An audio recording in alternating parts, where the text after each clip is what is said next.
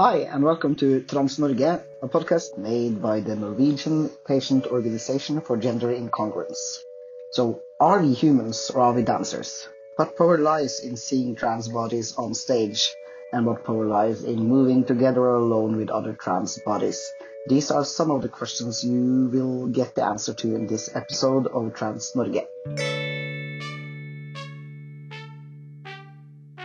Uh, please tell the people who listen to the podcast who you are. Hello, uh, my name is Daniel Mariblanca. Uh, I am originally from Barcelona, but I have been living in Bergen since 2016. I am a dancer, a choreographer, and the artistic director of 71 Bodies. Cool. What pronouns do you use? He and him. Cool. Um, yeah, you're like casually saying like I'm a dancer, but you're like you're like one of the world's best dancers. You are. Yeah, I've seen you dance and it's amazing. So everyone who yeah, out there should watch should dance. I think dance is uh, our primal language. I mean, we dance before we talk. so I think dancing is just uh, a natural part of uh, being human. And then we grow up, and then some people stop dancing, unfortunately. But I had the, yeah, I was lucky enough to understand how important was for me dancing. So I start to dance in my room, but then I start dancing in the school, and then I became a professional dancer. Hmm. Cool. And you do, and you you also happen to be trans, and you do some quite cool activism through your art. And the first time I met you, you were doing some activism, political work meets dancing and art. Can you talk about how, yeah, just how you came to be like a political dancer? Because I think you are. Do you mm. identify as a political dancer? Mm. I, I, I don't define myself in those terms, mm -hmm. um, but I can understand that some people might see it this way. Um, was in 2017 when we met the first time in Oslo. Mm-hmm. And at that moment, we were doing the research of 71 Bodies, One Dance. And actually, uh, that weekend was the very first, uh, was the starting of the project.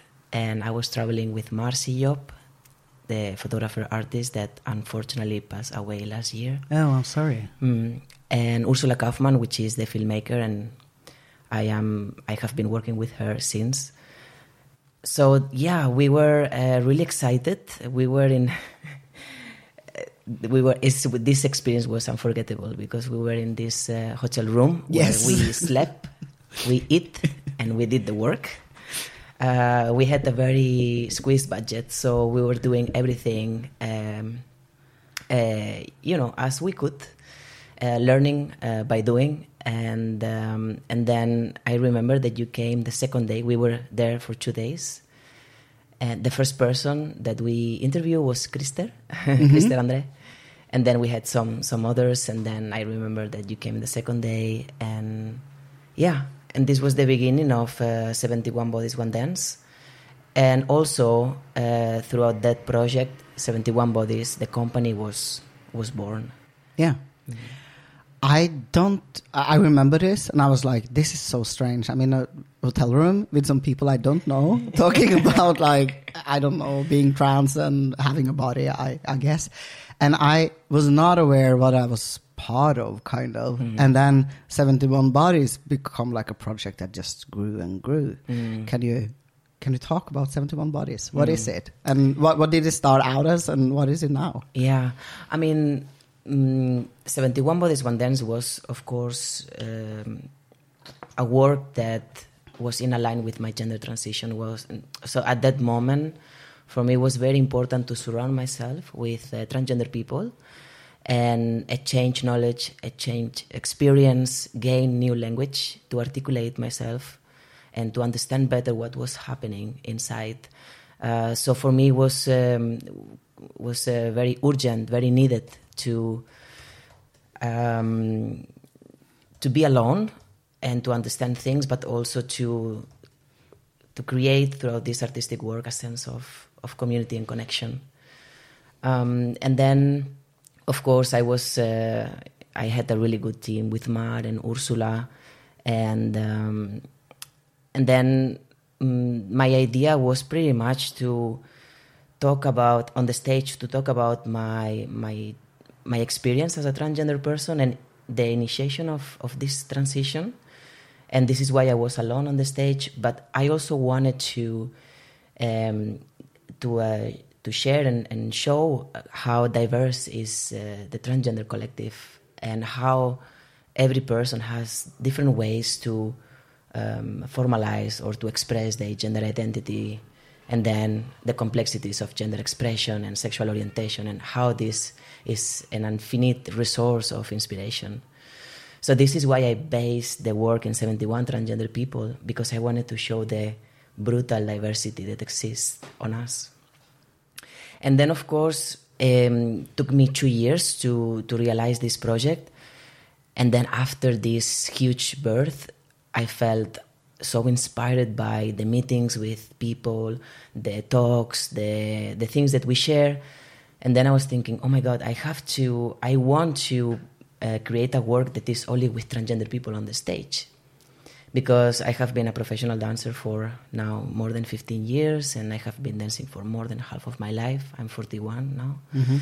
And uh, I have been always the only transgender person in the company, in the different companies. So I felt the need to do a work being the majority on the stage.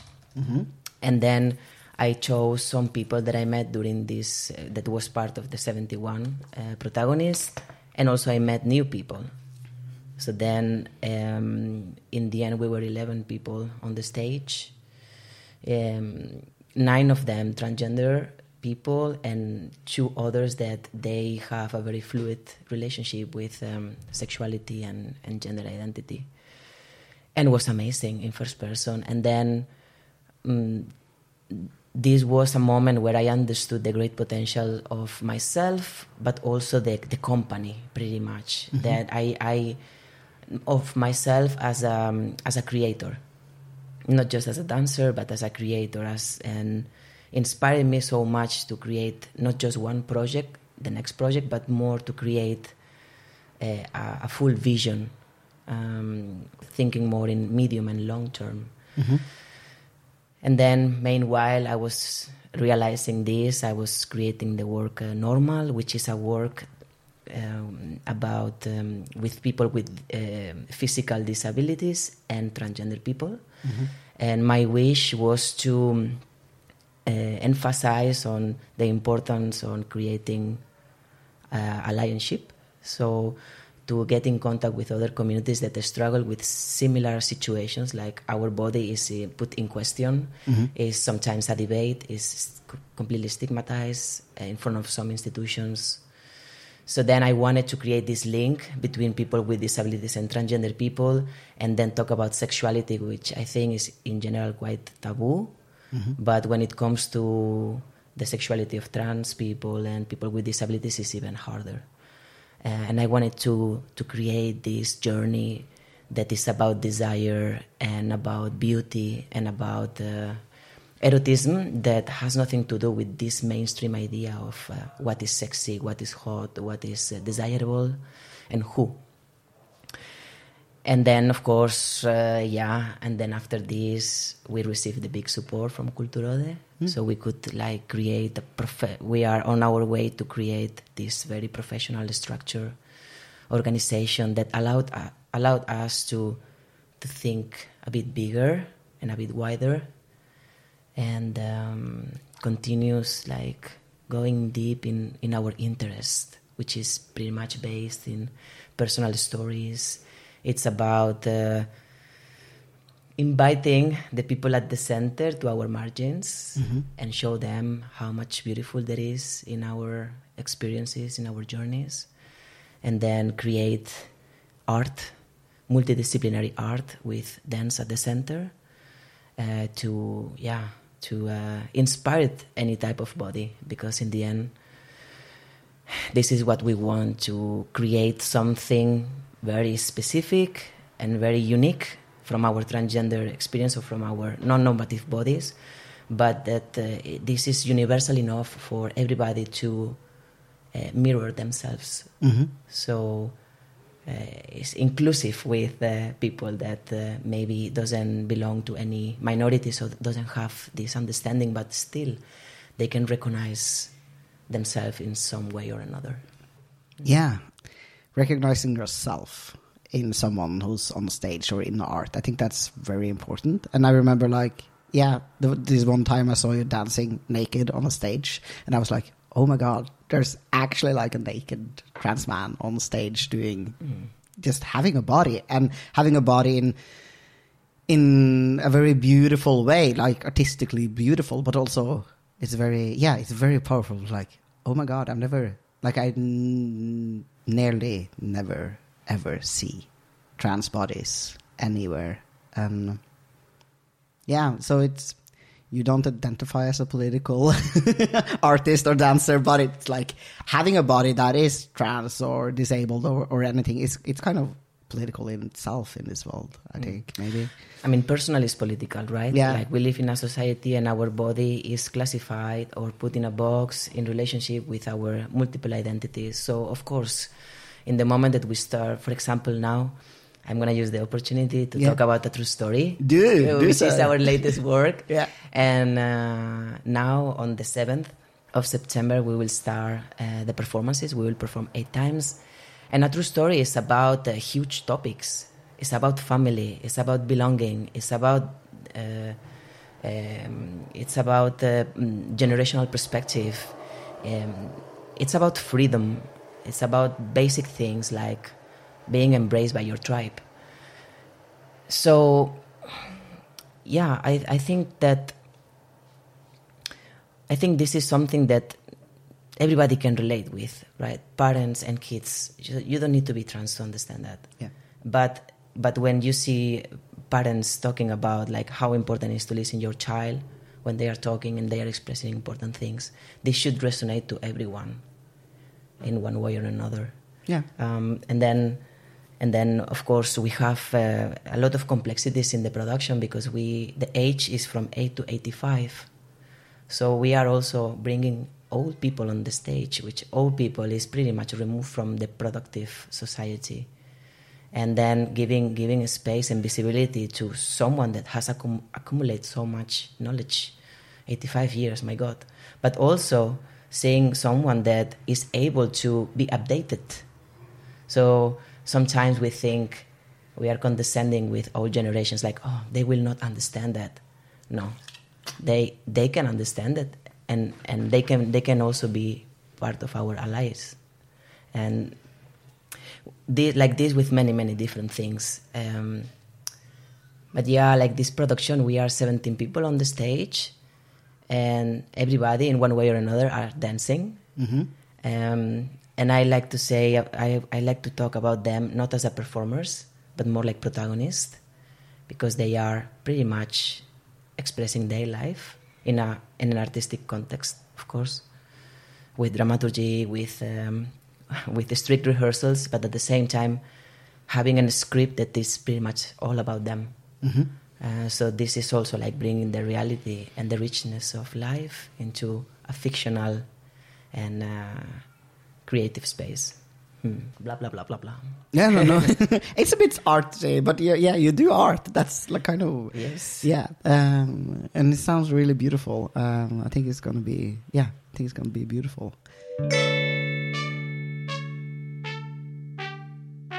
Um, like earlier, you said that you had this experience of being the only trans person on stage, and now you have a lot of experience being part of a group of trans people on stage, uh, but uh, who might not be professional dancers as you are. Uh, how can you just talk a little bit how how it felt back in the days when you were like the only trans person, and how it feels now when you're like part of a group or Yeah, when I transitioned was in 2016, so it was uh, after being a few months in in the company that I was working before, Carte Blanche.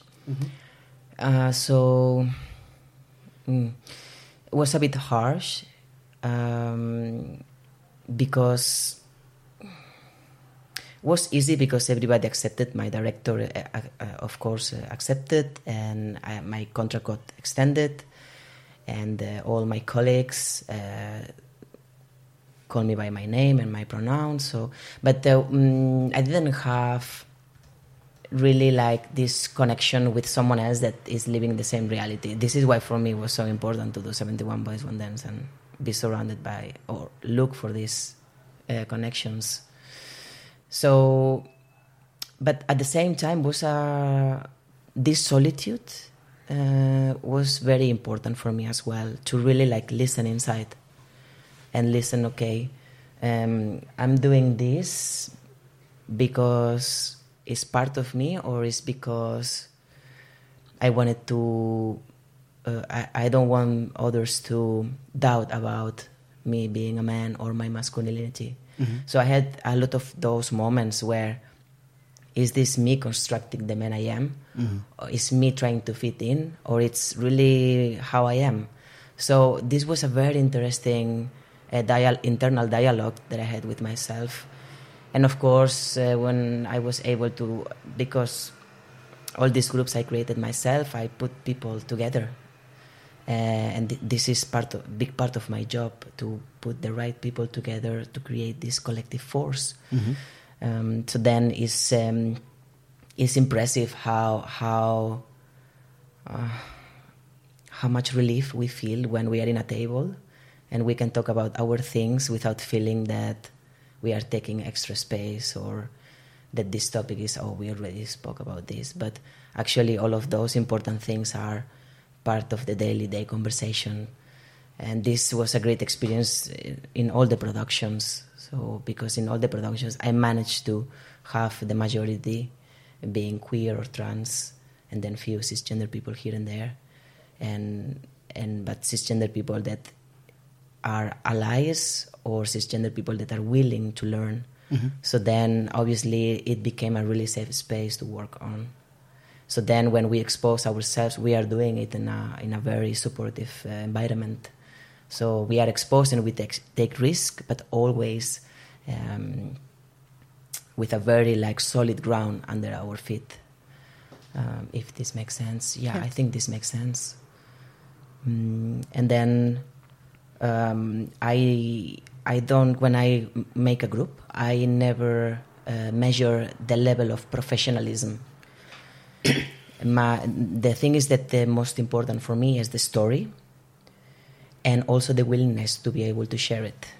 And also the willingness to be able to go through uh, an artistic process that will be demanding that will be harsh that will be uh, uh, challenging um, but we need to agree that this is our deal and then that we are really proud to be visible and and then we will go through all of this so this is uh, for me more important that if uh, you are professional or not. Um, because uh, yeah i think for me being a professional is not so being a professional dancer is not the goal but it's using what i learned from dance to express something that is uh, really important. So it's a tool it's not it's not the goal let's say. I get it. Yeah. You were dancing kind of through your transition. And how did how did transitioning like affect your dancing? Because it's like doing dance is a very bodily thing. You use your body and then you have this body who's kind of changing. Mm-hmm. How how did it feel? Are you are you the same dancer? Do you dance differently now? Mm, I mean, if you dance, uh, I have been dancing every day. Yeah, for the past 20 years. So, uh, in a way, like uh, in every rehearsal, in every session of dance, like you discover new things. So, I think that I have more tools and, and my dance has been enriched by, by the years of practice. And uh, being trans for me, like uh, when I start my transition, I felt was a was a really beautiful moment where uh, my personal identity uh, and the, and the urgency of expressing this important thing and my level of dance uh, so my professional level Mm-hmm. was matching so i had the skills and i had the urgency so then was this uh, cocktail molotov um, um, um, combination Mm-hmm. um, and I and I use it as a force to create all the works. So this together with um, yeah, like to find meaning to what you do is uh, make you more free and more meaningful. And uh, and then in the beginning, I start really like the first project I was thinking about myself and I I was quite self-centered because it was so big what was happening inside Mm-hmm. but then uh, I calmed down a bit, uh, and and then I was able also to then look outside, and see the beauty of other stories, and then work it out artistically. So, yeah, like the biggest change was with myself, but also like being able to look at the world with this uh, whole new perspective. It sounds like a very kind of like a little bit of a typical transitioning story, if you know what I mean. It's like I think that a lot of trans people when we transition medically or socially or both, it's like it's this journey inwards in a way that's like you get a little bit self-centered because there's so many things happening inside of yourself, and then after a while you get yeah you get to settle in the world in a way that makes you yeah be able to see the beauty around you and other people uh, in a new new and maybe fascinating way. Um, at least yeah i at least that resonated with me. I was like yeah that felt like what a transitioning was like for me. I was Mhm. very self-centered and now i'm like yeah less so i hope. Mm. yeah. I mean, I'm really self-centered with my artistry because my the work I do is my life, and uh, I mean, it is hard for me to focus on other things. But um, like the productions are not just about myself. Like, you know, I'm taking care now. I am, you know, the papa of. Uh, 20 people you know and Yeah. I, I am doing like this with all these different personalities and different journeys so this is really nice uh, like being uh, able to to inspire others to be a good reference for others and to lift up others Mhm. and and this is something that I feel really strongly in this production, a true story, because I am working with young people, and I can see like how important is to see older uh, trans people that uh, you know are strong and not not strong in the sense muscular strong, but uh, like happy and uplifted and da da da, and and also like help them to shine and to grow and to give some advice if they need it. And i feel a lot of pleasure with this. And then this is part of the research and this is part of the production. So Yeah. um, this uh, personal connection is what make the pieces uh, be what what they are like. Yeah but i mean mm, i uh, i always say that like for me i never hated my body you know? Mhm. like and maybe this is why my transition arrived so late when i was 34 because i could liberate myself from a lot of mm, bullshit throughout dance. So and also i didn't want it to put in danger my career. I had so so so much fear that i will need to spend so much time in the hospital or in the administration. So i wanted to focus in dance and and achieve this uh, important thing. And then when i felt a little bit settled i was like okay this is still you know very present on me. And then i found people that helped me to articulate it. And then everything open. Yeah. Yes beautifully. Yeah. It sounds beautiful. Yeah, because it's yeah.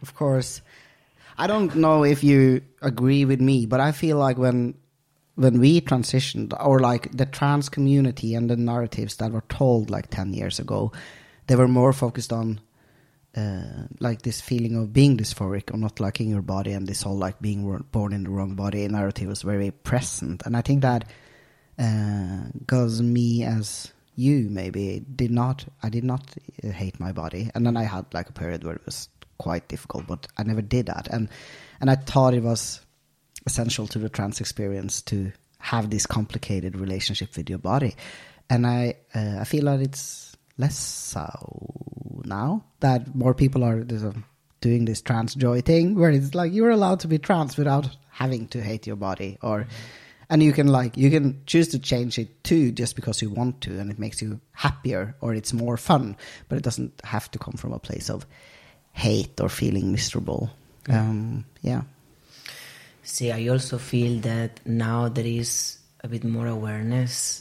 Uh, so now we can blame in a, uh, not in ourselves, but we can identify uh, cisgender privilege, normative bodies, and how, like, removing being trans from like patho- pathological uh, um, reports in a way is kind of opening eyes that yeah our body is not wrong. Uh, like what is wrong is the idea of uh, what a normative body is. So then i think that for example the big difference uh, that i feel with for example the two kids the two trans kids that are in the production is that they are so free. Like they are so they are liberated from many prejudice that I could have uh, myself as a kid or as a grown up. But I think this this liberation and this freedom comes a lot from their parents, their moms, because the moms are doing the hard work of making sure that in the school they are treated properly, making sure that in the doctor they are treated properly, making sure that you know they create awareness in the family, in the society, in the closest society they live. So I think that yeah, like the moms that are now 35 or 30, 40, 50, and they are doing a really important groundwork on naturalizing and make it open the, the path for their kids, which is something that perhaps maybe 20 years ago was impossible to think that uh, the mom uh, of a kid of five years old will go to the teacher and will say, "Hey, this need to change now," you know, and not accepting that this will not change. I think this is huge difference on the sense of naturalizing your uh, yourself as a trans person. yeah But if you don't have this uh, support from your parents, then I think that uh, dysphoria and all of those depression, suicidal thoughts, all of these will have more chance to exist, even though we are now more progressive. But I think, yeah, like the big, big. Uh, one of the most important things for me is like what happens at home, inside doors. Yeah. Yeah, I think that of course, if it doesn't matter if you have these progressive laws and there's trans people on the TV, if you're being misgendered aggressively inside your home every day, you're gonna feel miserable. um, but yeah, I always when I talk to parents who are like trying to support their kids, they feel very frightened of this big world that is tr- not treating trans people right. But it's also the thing I always tell parents, and I think that it's that is a good thing is that children's worlds are quite small so it's actually as a parent you can actually do quite a lot if you talk to the close family and you talk to the school and you and you do yeah you you can make that child feel like the whole world is very accepting towards trans people. And a lot of the world is but there's also some really mean people out there of course and like um, yeah trans people are being discriminated against but you can protect your child from that. I think that as you said, that that will give you a freedom and a confidence that will probably make it easier to face the discrimination that you are gonna face at some point in your life. Totally. Four of the five moms that are in the production of a true story Mm-hmm. work for initiate uh, an organization, really important organization in Spain, Euforia, Mm-hmm. uh, which is about educating the parents or giving advice to parents with transgender kids. So they have uh, different events where they give lectures and they give uh, the necessary tools to navigate the the daily day life.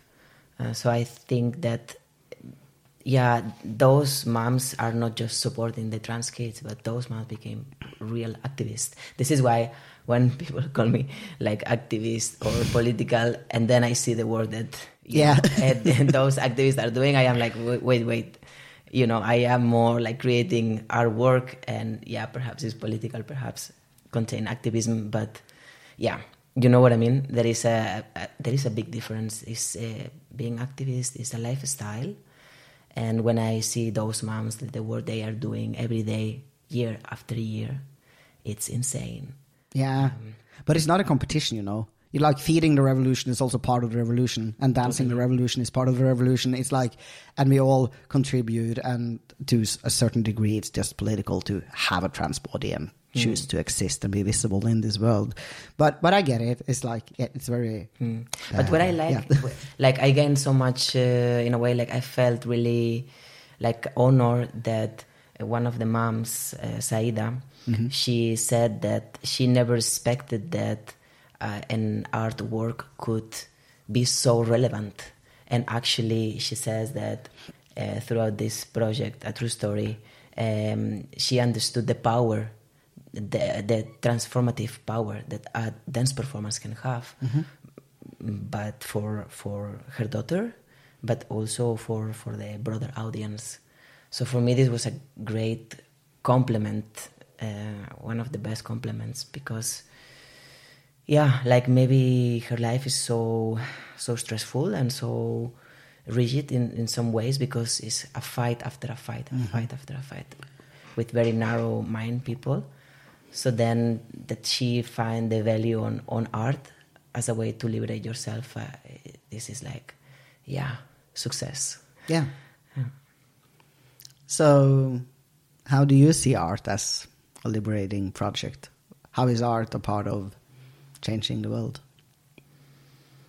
Mm, I think for me, what what I do is to create uh, spaces where people can express themselves, and and sounds simple, but it's not mm-hmm. really like where you can really have a process to confront your own fears. For example, uh, this is why I invite family in this project because I wanted to give obviously space to the transgender people, but also space to the family members because they carry all this weight.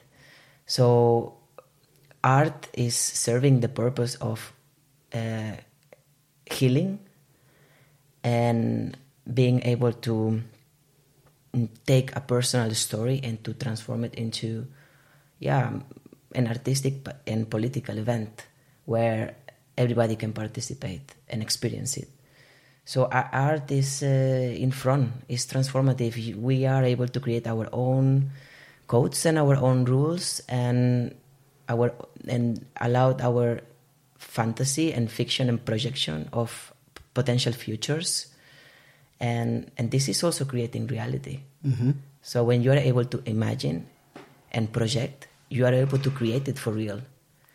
So, yeah it's for me one of the most effective ways of not only changing here but changing like from inside mm.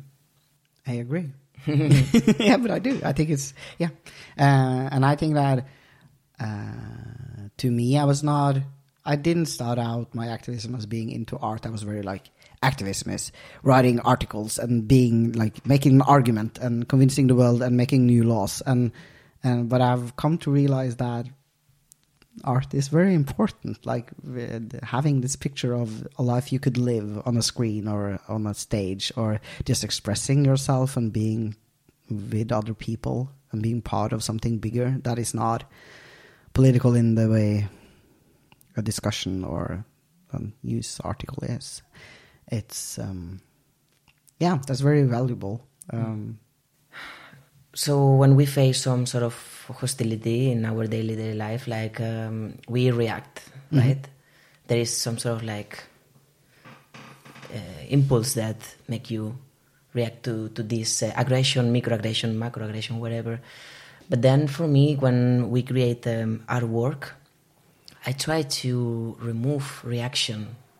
So i try to create time and a space where we don't have to be defensive and we don't have to react fast or or slow it doesn't matter but a place where we can think think and understand and then from there to create something Um, so I think also this is a very different approach of transforming.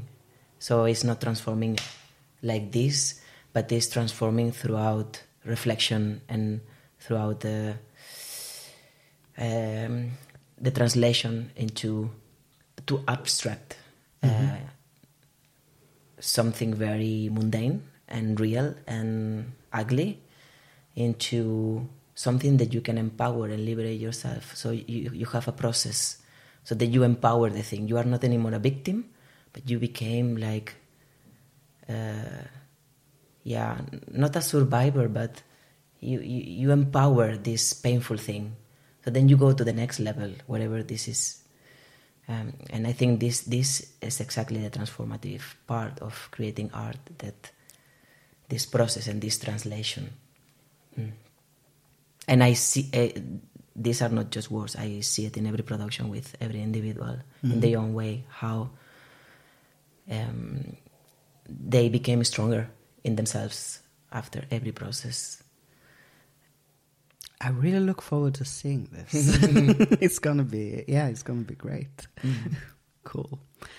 Um, so, what is your next project? Do you have it, or what's happening in the future? Yeah. What do you want to make? If you had like all the money in the world, No, I don't need the, all the money in the world. I, just need a bit of money. But now we have it.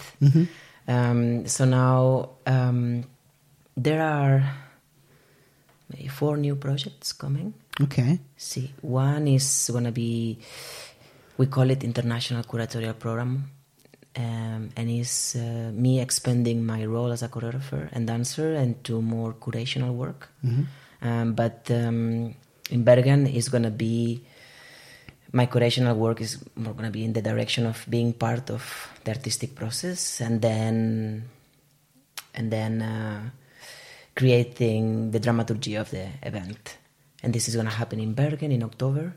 I have invited two Mexican artists, and one person is from one artist is from Bergen, but from originally from Iran.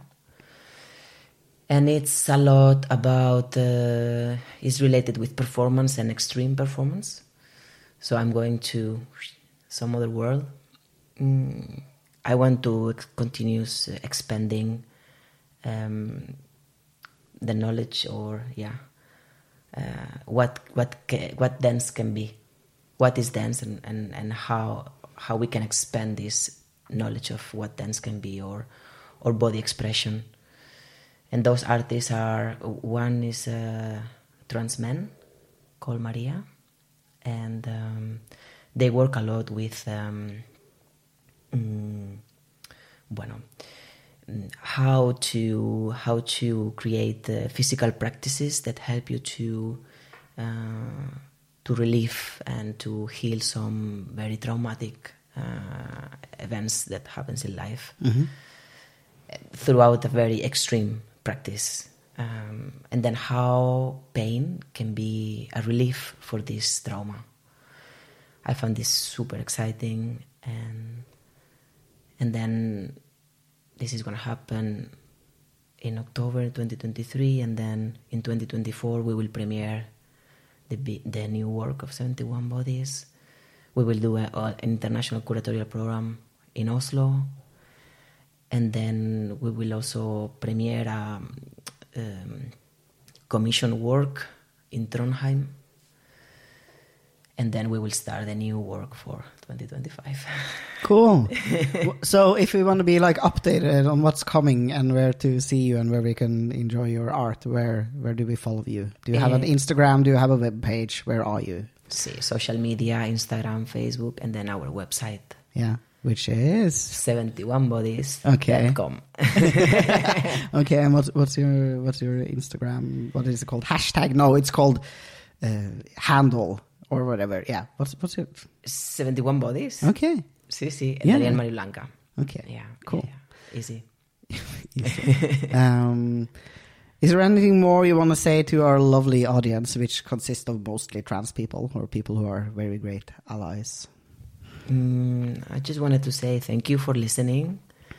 And if you if you are a trans person and you feel like ah you have a strong wish to use art as a way to you know to process some parts of your life um, and you feel that 71 bodies is interesting just uh, send me a message and we can have a coffee and we can talk. Um, i love to meet uh, new people. I love to work with uh, i like longevity working with people um, but i also, also like to meet new people. So yeah if you what you listen is interesting for you and you want to be part of one of the productions one of the projects just send me a message You're gonna like have a hundred emails in your inbox now, being like, "I want to do the dance." Thank you for coming to the podcast. It was really nice meeting you again, and I really look forward to seeing more of your art and the stuff you do. Um, yeah, thank you luca for inviting me and uh, thank you. super excited uh, that you are coming finally Yeah, yeah to see to experience a true story and um, yeah and then after we can we can exchange some thoughts yeah, Mm. cool. I look forward to it. Thanks for joining us today, and please do follow us on Instagram, trans.norge and pki.norge. And thanks to everyone who makes this podcast possible, and for you, the listener.